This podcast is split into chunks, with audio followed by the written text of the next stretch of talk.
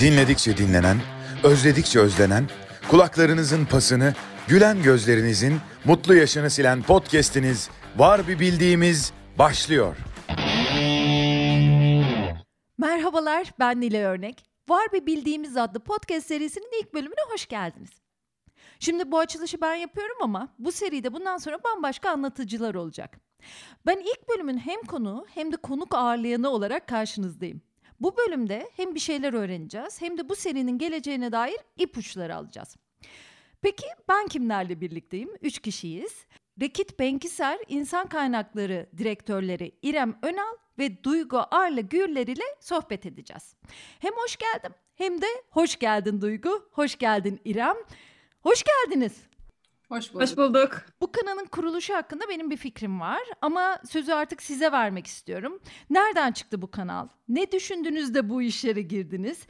İrem senden başlayalım mı? Tabii. Nine Hanım aslında gerçekten çok doğru söylediniz. Biz Rekt Menksar var bir bildiğimiz Spotify kanalıyla Covid döneminde değişen ihtiyaçlara, arkadaşlarımızın, beraber iş yaptığımız iş ortaklarımızın, çevremizin değişen ihtiyaçlarına cevap verebilmek için bir kanal oluşturduk. Belki sizler de hayatınızda farkındasınızdır. Çok daha fazla podcast dinliyoruz. Ben podcastlerle yürüyüş yaparken tanıştım açıkçası. Yürüyüş yaparken kulağıma bir müzik gibi takıp onu dinlemek, onun hakkında farklı bilgiler edinebilmek, insanları dinlemek çok hoşuma gitti. O yüzden de şirket olarak oturduk dedik ki hem gençlere ulaşabilmek hem de birazcık daha kendimizi anlatabilmek adına bir kanal oluşturalım. Bu kanalın içine podcastler koyalım, müzik listeleri koyalım, var bir bildiğimiz diyebileceğimiz ne varsa içerik olarak onu koyalım ve onları sunalım istedik. Duygu ile beraber bu işin aslında proje liderleri olarak en başından bu heyecanla yola çıktık. Sizlerle de beraber başladığımız için çok heyecanlıyız. Ya ben de fikri çok güzel buldum. İş dünyasının başka matematiği var, zorlukları var. Ee, evinde kalamıyorsun, kalsan bütün gün çalışıyorsun. Çocuğu olanı için ayrı dert, ailesi olan için ayrı dert, tek başına olan için ayrı dert. Ve bu insanlar çok güzel şirket içerisinde ya biz şunlardan yararlandık demek için bir kanal açıyorlar. Ve içinde müzik de olacak, kitap da olacak, çeşitli konuklar da ağırlayacaklar. Profesyonel e, bu işleri yapan podcasterlar da olabilir. Ya, ya da bir gün yani bir şarkıcı oyuncu da olabilir ve onlarla doğallıkla konuşacaklar. Ben bunları duyunca tabii ki heyecanlandım. Ee, biraz da e, Duygu'ya da söz verelim mi? O ne demek ister bu konuda? Biz de inanılmaz heyecanlıyız. Aslında amacımız İrem'in söylediği gibi insanlara ilham olmak insanlara e, burada yaptıklarımızı, RB'de yaptıklarımızı anlatarak böyle kafalarında ufak bir ışık yakabilirsek, aa böyle yapılıyormuş, şirketin de vizyonu buymuş ya da wow işte yeni iş hayatında neler oluyormuş, ne farklılıklar yaratılıyormuş diye bilgi verebilirsek aslında çok mutlu oluruz. Baktığınızda hem içeride yaptıklarımız, RB'de yaptıklarımız hem e, çalışanlarımızın yaptıkları sizin gibi e, podcasterlarla yapacağımız konuşmalarla aslında e, insanların hayatına biraz dokunmak ve böyle farklı perspektifler açmak istiyoruz.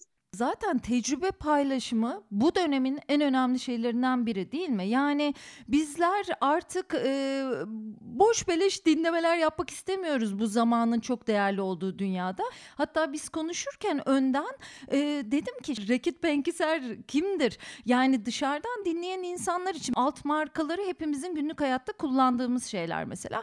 Ben dedim ki bunu da açalım anlatalım başında insanları istersiniz. İrem dedi ki Nilay Hanım dedi o kadar da bahsetmeyin bahsetmenin baştan bahsedersek ben ilk 5 dakikasını dinliyorum bu podcastleri sıkılırsam bırakıyorum. Sıkmayalım insanları hemen tecrübe paylaşalım hemen güzel bir şeyler konuşalım vesaire. Hakikaten bu bile çok değerli. Şimdi bundan sonra neler olacak? Var bir bildiğimiz derken siz neyi kastediyorsunuz? Neler biliyorsunuz? Bundan sonra kimler olacak? Siz olmayacaksınız değil mi? Tabii sadece biz olmayacağız. Var bir bildiğimiz, var bir öğrendiğimiz de var aynı zamanda. Çünkü bu süreç hepimiz için her gün yeniden ezberlerin bozulduğu ve yeni şeyler öğrendiğimiz bir dönem haline geldi. Bunu yaparken de şirketlere çok büyük işler düştüğünü düşünüyorum ben. Çünkü şirketler sadece para kazanmak için değil, finansallarını desteklemek için değil, aynı zamanda bulundukları toplumda bir katkı yaratmak için de varlar. Bize bakan yüzüyle, insan kaynaklarına bakan yüzüyle biz sadece çalışanlarımızın veya adaylarımızın değil, bizi takip eden, bizimle ilgilenen insanların içinde bir sorumluluk olduğumuzu düşünüyorum. Yani bir amaç uğruna çalışırken bir şekilde insanlara bilmedikleri bir perspektif kazandırmak, Belki yeni iş hayatı hakkında, kariyer hakkında mesela. Çok fazla çünkü bizim globalde çalışan yetenekli arkadaşlarımız var. Onların hikayeleri hakkında. Belki geçmiş dönemde yapılmış ama çalışmamış, neden çalıştığını da sonradan anladığımız e, fikirleri birazcık daha paylaşabilmek adına bir kanal kurmak istedik. Peki bu e, şimdi insan kaynakları meselesine gelelim. Biz ilk bölümde biraz insan kaynaklarından başladık. Çünkü iki e, zeki, kendini geliştiren direktörle bir aradayım ben. Benim insan kaynaklarından anladığım şeyle yani ben de 18 sene masa başında çalıştım yani gazetelerde. Bizim gazetelerde insan kaynaklarından anladığımız profille sizler farklı insanlarsınız. Size baktığımda onu görüyorum. Bugünün insan kaynakları ne yapar? Şimdi insan kaynaklarının aslında farklı farklı şirketlerde farklı misyonları olabilir dediğiniz gibi ve aslında bir 5 sene 10 sene öncesine göre de çok daha farklılaştı. Ee, hani temel ve basit tabiriyle ki bunu operasyonel taraf ayırıyorum çünkü baktığınızda bazı şirketlerde sadece bordro yapan işte SGK girişi yapan bir birim olarak da var olabilir. Ama aslında çok önemli misyonları var ve yeni geldiğimiz noktada çalışanın içerideki e, şirketteki aslında iş döngüsünü e, takip eden bir birim diye düşünebilirsiniz çok temel anlatımıyla yani işe alımdan tutun oryantasyona, gelişimine, işte rotasyon süreçleri ve e, işten çıkış süreci. Bu bir döngü ve bu döngüyü takip eden bir departman olarak düşünebilirsiniz. Ama bunun çok ötesinde bir tarafı var. E, önemli olan da aslında fark yaratan kısmı da bu. Benim aslında kişisel tabirimle çalışan her bir bireyin e, potansiyelini ortaya çıkarabileceği bir ortam yaratmak ve onu aslında o potansiyelini ve kendisini en iyi halini çıkarabileceği e, yardımı yapmak ve ortamı hazırlamak şeklinde e, aslında ben bunu nitelendiriyorum. Baktığınızda bunun birçok şeyi var. Yani kültürü baştan aşağı oturtmak, kültürü oluşturmak ve bunu işte yönetimle, çalışanlarla birlikte canlı tutmak işin çok önemli bir kısmı. Onun yanında çalışana her türlü gelişim imkanını sağlamak ve o ortamı sağlamak bambaşka bir şey. Çünkü gelişim dediğinizde sadece böyle çok basit yüz yüze eğitimlerden bahsetmiyoruz. Şimdi dünya o kadar değişti, gelişti ki işte çok e, farklı dijital eğitimlerden de bahsediyoruz. Bu değişen hızlı dünyada çalışanları aslında çok e, hızlı ve doğru yerlere, doğru e, rollere geçirmekten de bahsediyoruz aslında. Bu da gelişimin çok önemli bir parçası. İnsanlar öğrendiği şeyi aslında iş üstünde öğreniyor bir yerde çoğu şeyi. O yüzden de o fırsatları yaratacak ortamları ve prosesleri yaratmak da bunun bir parçası.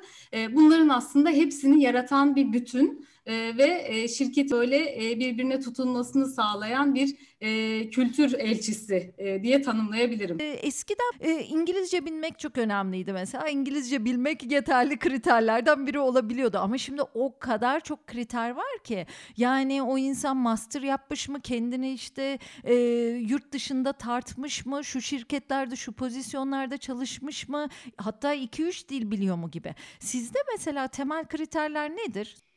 Bence güzel bir soru Nilay Hanım. Şöyle, insanları kriterlere koymak bence doğru değil. Çünkü hepimiz birbirimizden farklı ve biriciyiz günün sonunda. Hı hı.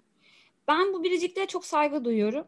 Benim için burada aslında şirketlerimde de çalışım şirketlerinde de gördüğüm değerlerin uyumu. Bu tanımlara uyum bence en önemlisi ve beklentilerin bir arada olabilme durumu bu. Yani sizin bir değer setiniz olduğu zaman bir çalışan olarak, bir aday olarak kafanızda o bir sonraki sefer için, çalışma hayatınız için bir deneyim deneyim beklentisi oluyor. O deneyim beklentisiyle bizim şirketimizinki uyumlu mu? Ben ilk bakılması gereken onun olduğunu düşünüyorum. Çok farklı karakter özelliklerimiz olabilir. Birimiz daha içine kapanığızdır, birimiz çok enerjiyizdir, belki hiperaktifizdir ama günün sonunda şirketin gitmek istediği yerle karşımızdaki adayın gitmek istediği yerin bir şekilde birbiriyle uyumlu halinde olması lazım. Çünkü eğer uyum olmazsa bir yılda, iki yılda belki çok daha erken yollar ayrılabiliyor. O bir, bir yerlerde uyumsuzluklar başlayabiliyor. Bunun üzerine bu değerler setinin üzerine bir aşama daha koyarsam o da yetkinlikler ve motivasyon noktaları.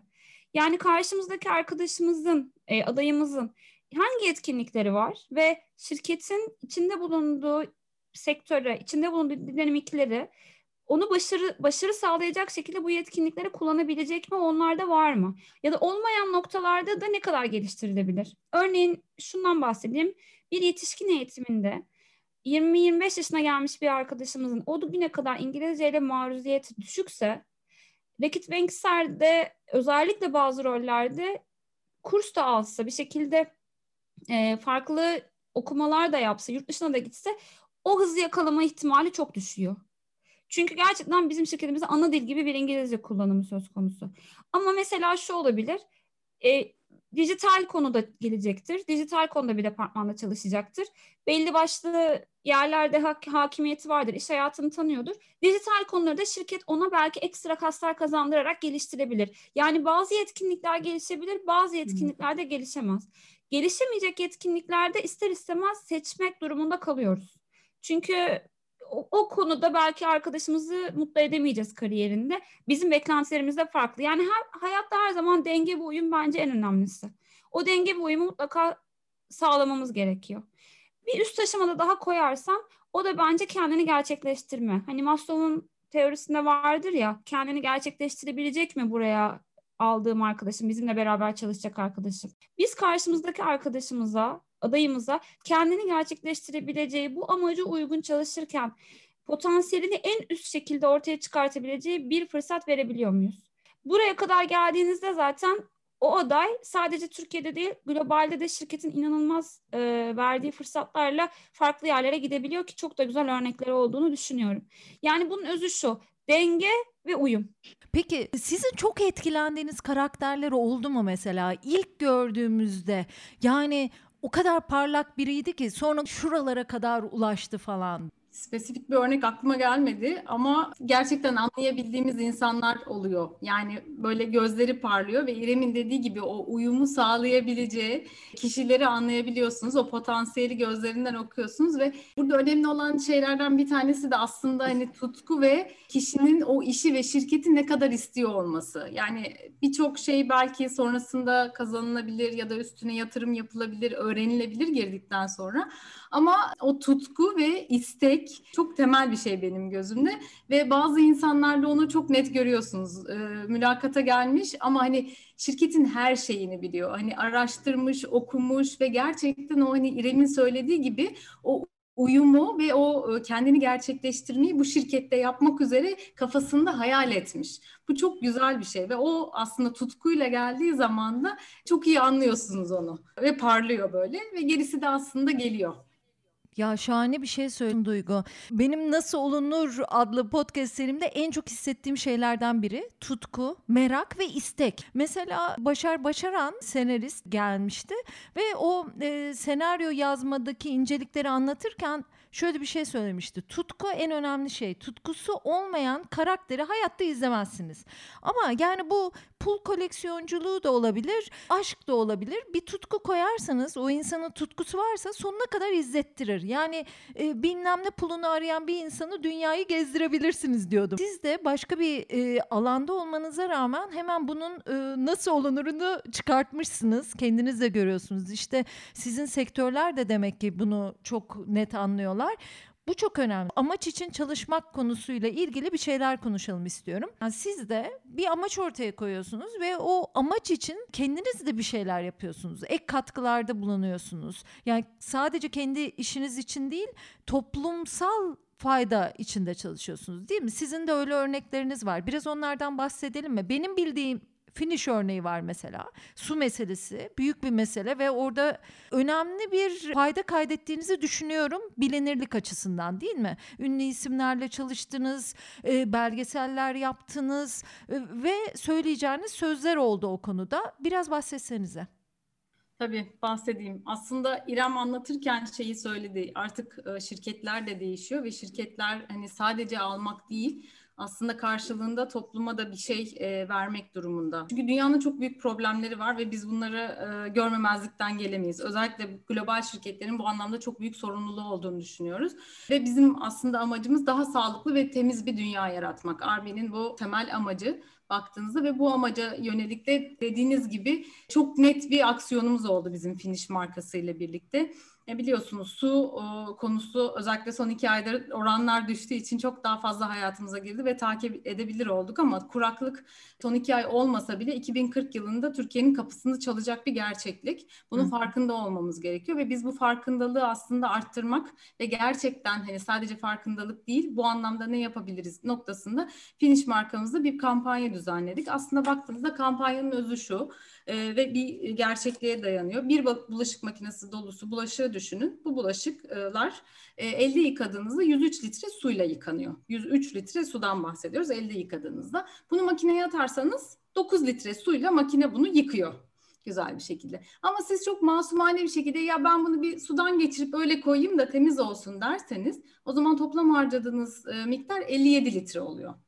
Yani bir sudan geçirip koyduğunuzda 57 litre su tüketmiş oluyorsunuz ve günün sonunda bu e, bir senelik sürede bir e, küçük göl miktarı kadar, küçük çekmece gölü kadar bir su yapıyor. Bunların hepsini bu arada araştırmalarla e, ortaya çıkarttık. Yani çok büyük bir oran su aslında gidiyor. Ve biz buna aslında marka ile birlikte bir farkındalık kampanyası başlattık ve ilk yaptığımız şey e, NetGeo ile birlikte 25 litre belgeselini çekmekti. Orada Gökhan e, bizimle oldu. Gerçekten içten bir şekilde e, orada kendisi o deneyi yaptı. 25 litreyle gerçekten bir gün geçiyor mu diye ve geçmediğini gördük. Yarınınsuyu.com e, adresini oluşturduk ki orada insanlar su ayak izlerini ölçebilsinler diye. Girip baktığınızda orada bir tane anket var ve o anketi doldurduğunuzda aslında günlük su miktarı ne kadar harcıyorsunuz? Ki bu sadece içtiğiniz ya da işte e, yıkandığınız su değil. Tükettiğimiz şeylerle de inanılmaz su harcıyoruz. Yani mesela giydiğimiz bir tişörtün yapılması için 2700 litre su harcanıyormuş.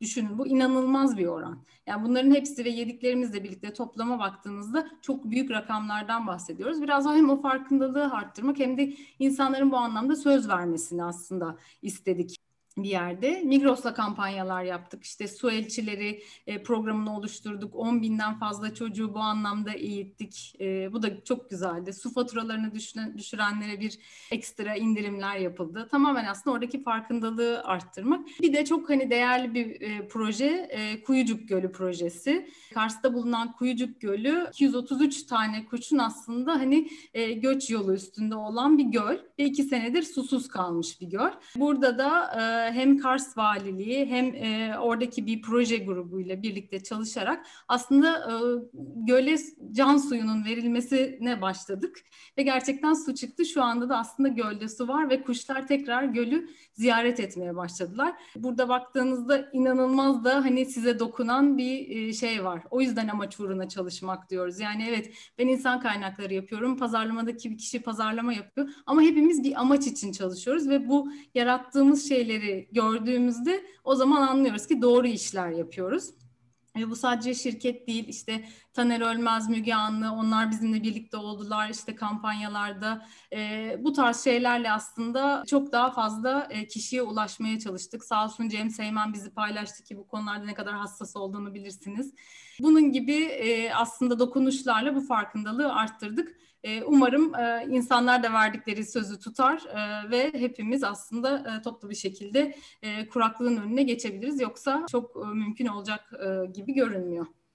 Ya şahane bir proje gerçekten. Bazı dizilerde de arada sizi gördüm. Çocuk annesine diyor ki mesela suyu kullanma anne. Yani çocuk daha bilinçli mi? Ee, ne bileyim Özge Özpirinççi, sen demin bahsettin Gökhan diyerek Gökhan Özoğuz e, çalıştı. Mesela Profesör Doktor Levent Kurnaz'ın konuşmasını dinledim ben sizin sitenizde. Çok etkileyici ve Ömer Madra açık radyo yani ve yıllardır e, kuraklık geliyor, iklim değişikliğine dikkat edelim diyen insan bile sizin projeniz için de konuşmuş. Onu da gördüm. E, ne kadar etkili olacağından eminim kendisinin de yani. Ha, hakikaten o Kuyucuk Gölü e, ben de kuş gözlemi yapan bir insan olarak ne kadar değerli bir şey olduğunu anlıyorum. Yani 233 kuş türünün göç yolunda olan bir gölün kuruması demek o kadar çok şey demek ki aslında. Yani bunu bir cümle halinde geçiyoruz ama çok çok çok önemli bir şey. Altının çok çizilmesi gereken bir şey. Dinleyenler ve e, açılımını bilmeyenler için anlatsanıza sizin şirketinizde neler var? Yani bizim günlük hayatta kullandığımız bazı ürünler var ki aa o muymuş bu şirket falan deriz yani. Siz biraz e, ürün gamınızdan bahsetsenize. Tamam ben bahsedeyim. Aslında Rekit Bankisar çok köklü bir şirket globalde. Baktığınızda böyle 200 yıllık bir tarihçesi var ee, ve aslında çok da fazla bildiğiniz e, ürünü var. Ben de ilk tanıştığımda aynı e, sizin verdiğiniz tepkiyi verip aa bu ürün de mi sizinmiş, aa bu ürün de mi sizinmiş dediğimi hatırlıyorum. Çünkü çok fazla bilinir markamız var aslında. Hani bunlara ilk verebileceğim e, örnek e, Finish, hijyen tarafında Finish, Vanish, e, Calgon, Silitbank, e, Mark, Airwick, Lysol. Aynı zamanda sağlık tarafında e, Durex, Strefen, Strepsis, Nurofen, Gaviscon, Vit bunların hepsi aslında bizim markalarımız. Peki siz şimdi iki zeki, bu konuda çok düşünen ve geleceğin nasıl kurgulanacağına dair bir ön almak isteyen insanlarsınız. Bu Covid döneminde yaşananlar ve bundan sonra olacaklar. Bununla ilgili öngörüleriniz de var muhtemelen. Hem şirket olarak çalışanlar e, bazında baktınız hem de dünyaya pandemi rolüyle baktınız. Bir de siz hijyenle, sağlıkla, temizlikle de ilgili insanlarsınız. Bütün bunlarda geleceği nasıl görüyorsunuz? Ee, şimdi geleceği herkes öngörmeye çalışıyor Nilay Hanım biliyorsunuz. Özellikle bilim gücüyle, şu an bilimin gücüyle herkes yarın ne olacak diye bakıyor. Ben açıkçası şuna bakmamız gerektiğini düşünüyorum. Bana yani bizim işimize bakan yüzüyle iş hayatı nasıl şekillenecek? Yani bulunduğumuz coğrafyada, bulunduğumuz sektörde iş hayatı nasıl şekillenecek? Eskiden şunlar vardı biliyorsunuz. İşte evden çalışmayalım. O sırada ne yapacağını bilemeyiz. Ofise gelsinler. Eskiden biz mesela şey diye çok uğraşırdık. Haftada bir evden çalışma verelim en azından gibi. E, genel İK bakış açısı için söylüyorum. Kabul edilmeyebilirdi veya denilebilirdi ki işte o zaman toplantı olacak nasıl olacak ona da katılsınlar. Veya esnek saatler öner önerildiğinde mutlaka şu saatler arasında ofiste bulunulsun gibi. Birçok farklı şey konuşurduk. Şimdi bunların ezberlerin tamamen bozulduğu aslında COVID'e meydan okumak adına her şeyin esnekleştiği, bir dönem geçiriyoruz. Buna hızlı adapte olanların çok hızlı bir şekilde ben kazanacağını düşünüyorum. Hmm. Ama ben burada şunu da söylemiyorum Nilay Hanım. Yani iş hayatı baştan sona kuralları henüz yazılmaya hazır olduğunu düşünmüyorum. Ben yaklaşık bundan bir 5-6 yıl önce e, o zamanki şirketimde bir Future of Work yani geleceğin e, iş hayatı diye bir araştırma yapmıştım. O zaman bugüne geldiğimizde şunların olacağını tahmin ediyordum. Bir kişinin iki şirkette birden çalışabileceğini, departmanların ortadan kalkacağını, tamamen kalkacağını ve herkesin iki veya üç departmanla ortak çalışabileceğini, part-time çalışmanın çok daha fazla geleceğini, şirketlerin artık full-time'dan çok az yararlanacağını düşünüyordum. O kadar hızlı bugüne gelmedik. Ben hala mesela bir insanın iki farklı şirkette çalışabileceğini, tek bir şirkette kalmaması gerektiğini düşünüyorum. Bunların çok daha farklı hikayeleri olabileceğini düşünüyorum ama biz oralara kadar henüz gelemedik. Biz nereye geldik? Biz aslında çevik çalışma şekline geldik ve değişen iş tanımlarına uyuma gelebildik. Yani şu gün birçok insanın Covid'den dolayı iş iş tanımı değişti. Bu iş tanımlarına hızlı bir şekilde şirket nasıl adapte oldu ve o kişiyi nasıl adapte edebildi? Onların konuşulduğu dönemlerdeyiz. Yani mesela insan kaynakları bu, bu kadar dijitalin içinde değildir. Yani bir Spotify kanalını açmak bence geçen sene çok aklımıza gelmeyebilirdi. Ama bugün ne oldu? Biz dedik ki evet herkes şu anda podcast dinliyor ve genel bizim popülasyonumuz orada onlara ulaşmaya çalışalım. Farklı bir şey yapalım. bugün farklı bir söz söyleyelim dedik ve bugün buradayız. Dolayısıyla değişen koşullara adapte olmak bence çok kritik. Belki çok iyi öngöremiyoruz. Ben hala önümüzdeki yıl nasıl olacak çok çok iyi böyle o lense görebildiğimizi düşünmüyorum ama en azından bugüne iyi, iyi adapte olmanın çok kıymetli olduğunu düşünüyorum. Birçok kodu bir arada yazmamız gereken bir dönemdeyiz. Ama bu, bu konuşmanın sonunda da şunu söylemek istiyorum bayağı da sıkıldık aslında. Yani uzaktan olmak bayağı da sıkıldık. Yani gerçekten hani böyle duyguyu görünce böyle içime böyle bastırıp sarılmak istiyorum. O kadar çok fiziksel dokunuşu da çok seven bir insan olarak eminim birçok insan da bunun şu an sıkıntısını çekiyordur. Ben mesela bana bakan yüzüyle kişisel fikrimi söyleyeyim. Ofislerin tamamen kapanmasına inanan bir insan değilim. Hmm. İhtiyaç var. Biz insanız. Kanlı, canlı, gerçekten hayatın içinde olan varlıklarız. Birbirimizi görmeye ihtiyacımız var. Bu da bir gerçek. Yani bunun kaldırılabileceğini ben açıkçası çok düşünmüyorum. Duygu ne der? Onu da bir merak ediyorum açıkçası. Bu çok tartışılan bir konu aslında şimdi şirketlerde. Çünkü şirketler gördü ki aslında böyle de olabiliyormuş. Başta İrem'in dediği gibi çok olabildiğini düşünmüyorlardı. Herkes fiziksel olarak gelsin, hani gözümüzün önünde olsun vardı. Şimdi çok güzel anlaşıldı aslında böyle de gidiyormuş iş diye. Ofislerini kapatan şirketler olduğunu duyduk. Ama hani bunun gideceği yer ve bence idealinde olması gereken yer hibrit bir yapı. Yani bir ofisi tamamen kapatmak çok mantıklı değil. Çünkü İrem dediği gibi gerçekten o insan temasını, birlikte olmayı, birlikte çalışmayı, yani böyle bir hani bir su almaya giderken ya ne haber nasılsın demeyi gerçekten çok özledik ve çok daha işler hızlı oluyordu.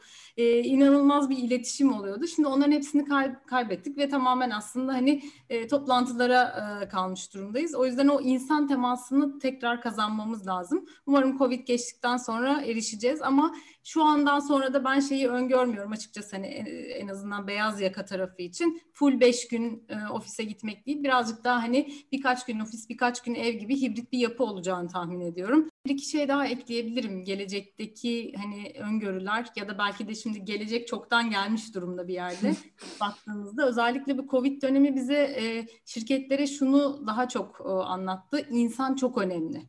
Yani insan gerçekten çok önemli ve ona iyi bakmamız lazım. Ya yani biz RBO olarak zaten bunu senelerdir söylüyoruz ama tüm şirketlerin yaşadığı bir şeydi ve insanların hem fiziksel sağlığı hem de e, hani mental sağlığı çok önemli baktığınızda ve onlara bu anlamda destek olmanız gerekiyor. Yani sadece onlardan bir şey almak, bir şey istemek değil. Evet çalışan tabii ki bir şey verecek ama şirket olarak siz ona ne sağlıyorsunuz? Ne anlamda destekliyorsunuz? Bunlar çok daha ön plana çıktı.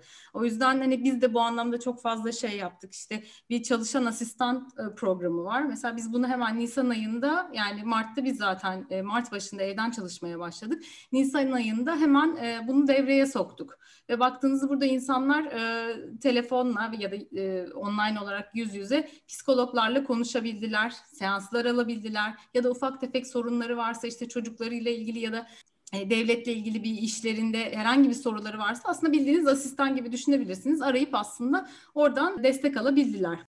Aa, şahaneymiş bu ya. Ben ilk defa böyle bir uygulama duyuyorum. Bayıldım ya. Çok çok çok güzel. Güzel bir başlangıç oldu. Hayırlı olsun, uğurlu olsun. Uzun bir yol olsun size de. Nice bölümlere diyorum. Ee, ve güzel çalışmalar diliyorum. Valla e, güzel bir iş yapıyorsunuz. Cesur bir iş yapıyorsunuz. Yani dışarıdan bir model satın almıyorsunuz. Ona yatırım yapmıyorsunuz. Kendiniz bir şey yapıyorsunuz ve kendi tecrübelerinizi samimiyetle paylaşmak istiyorsunuz.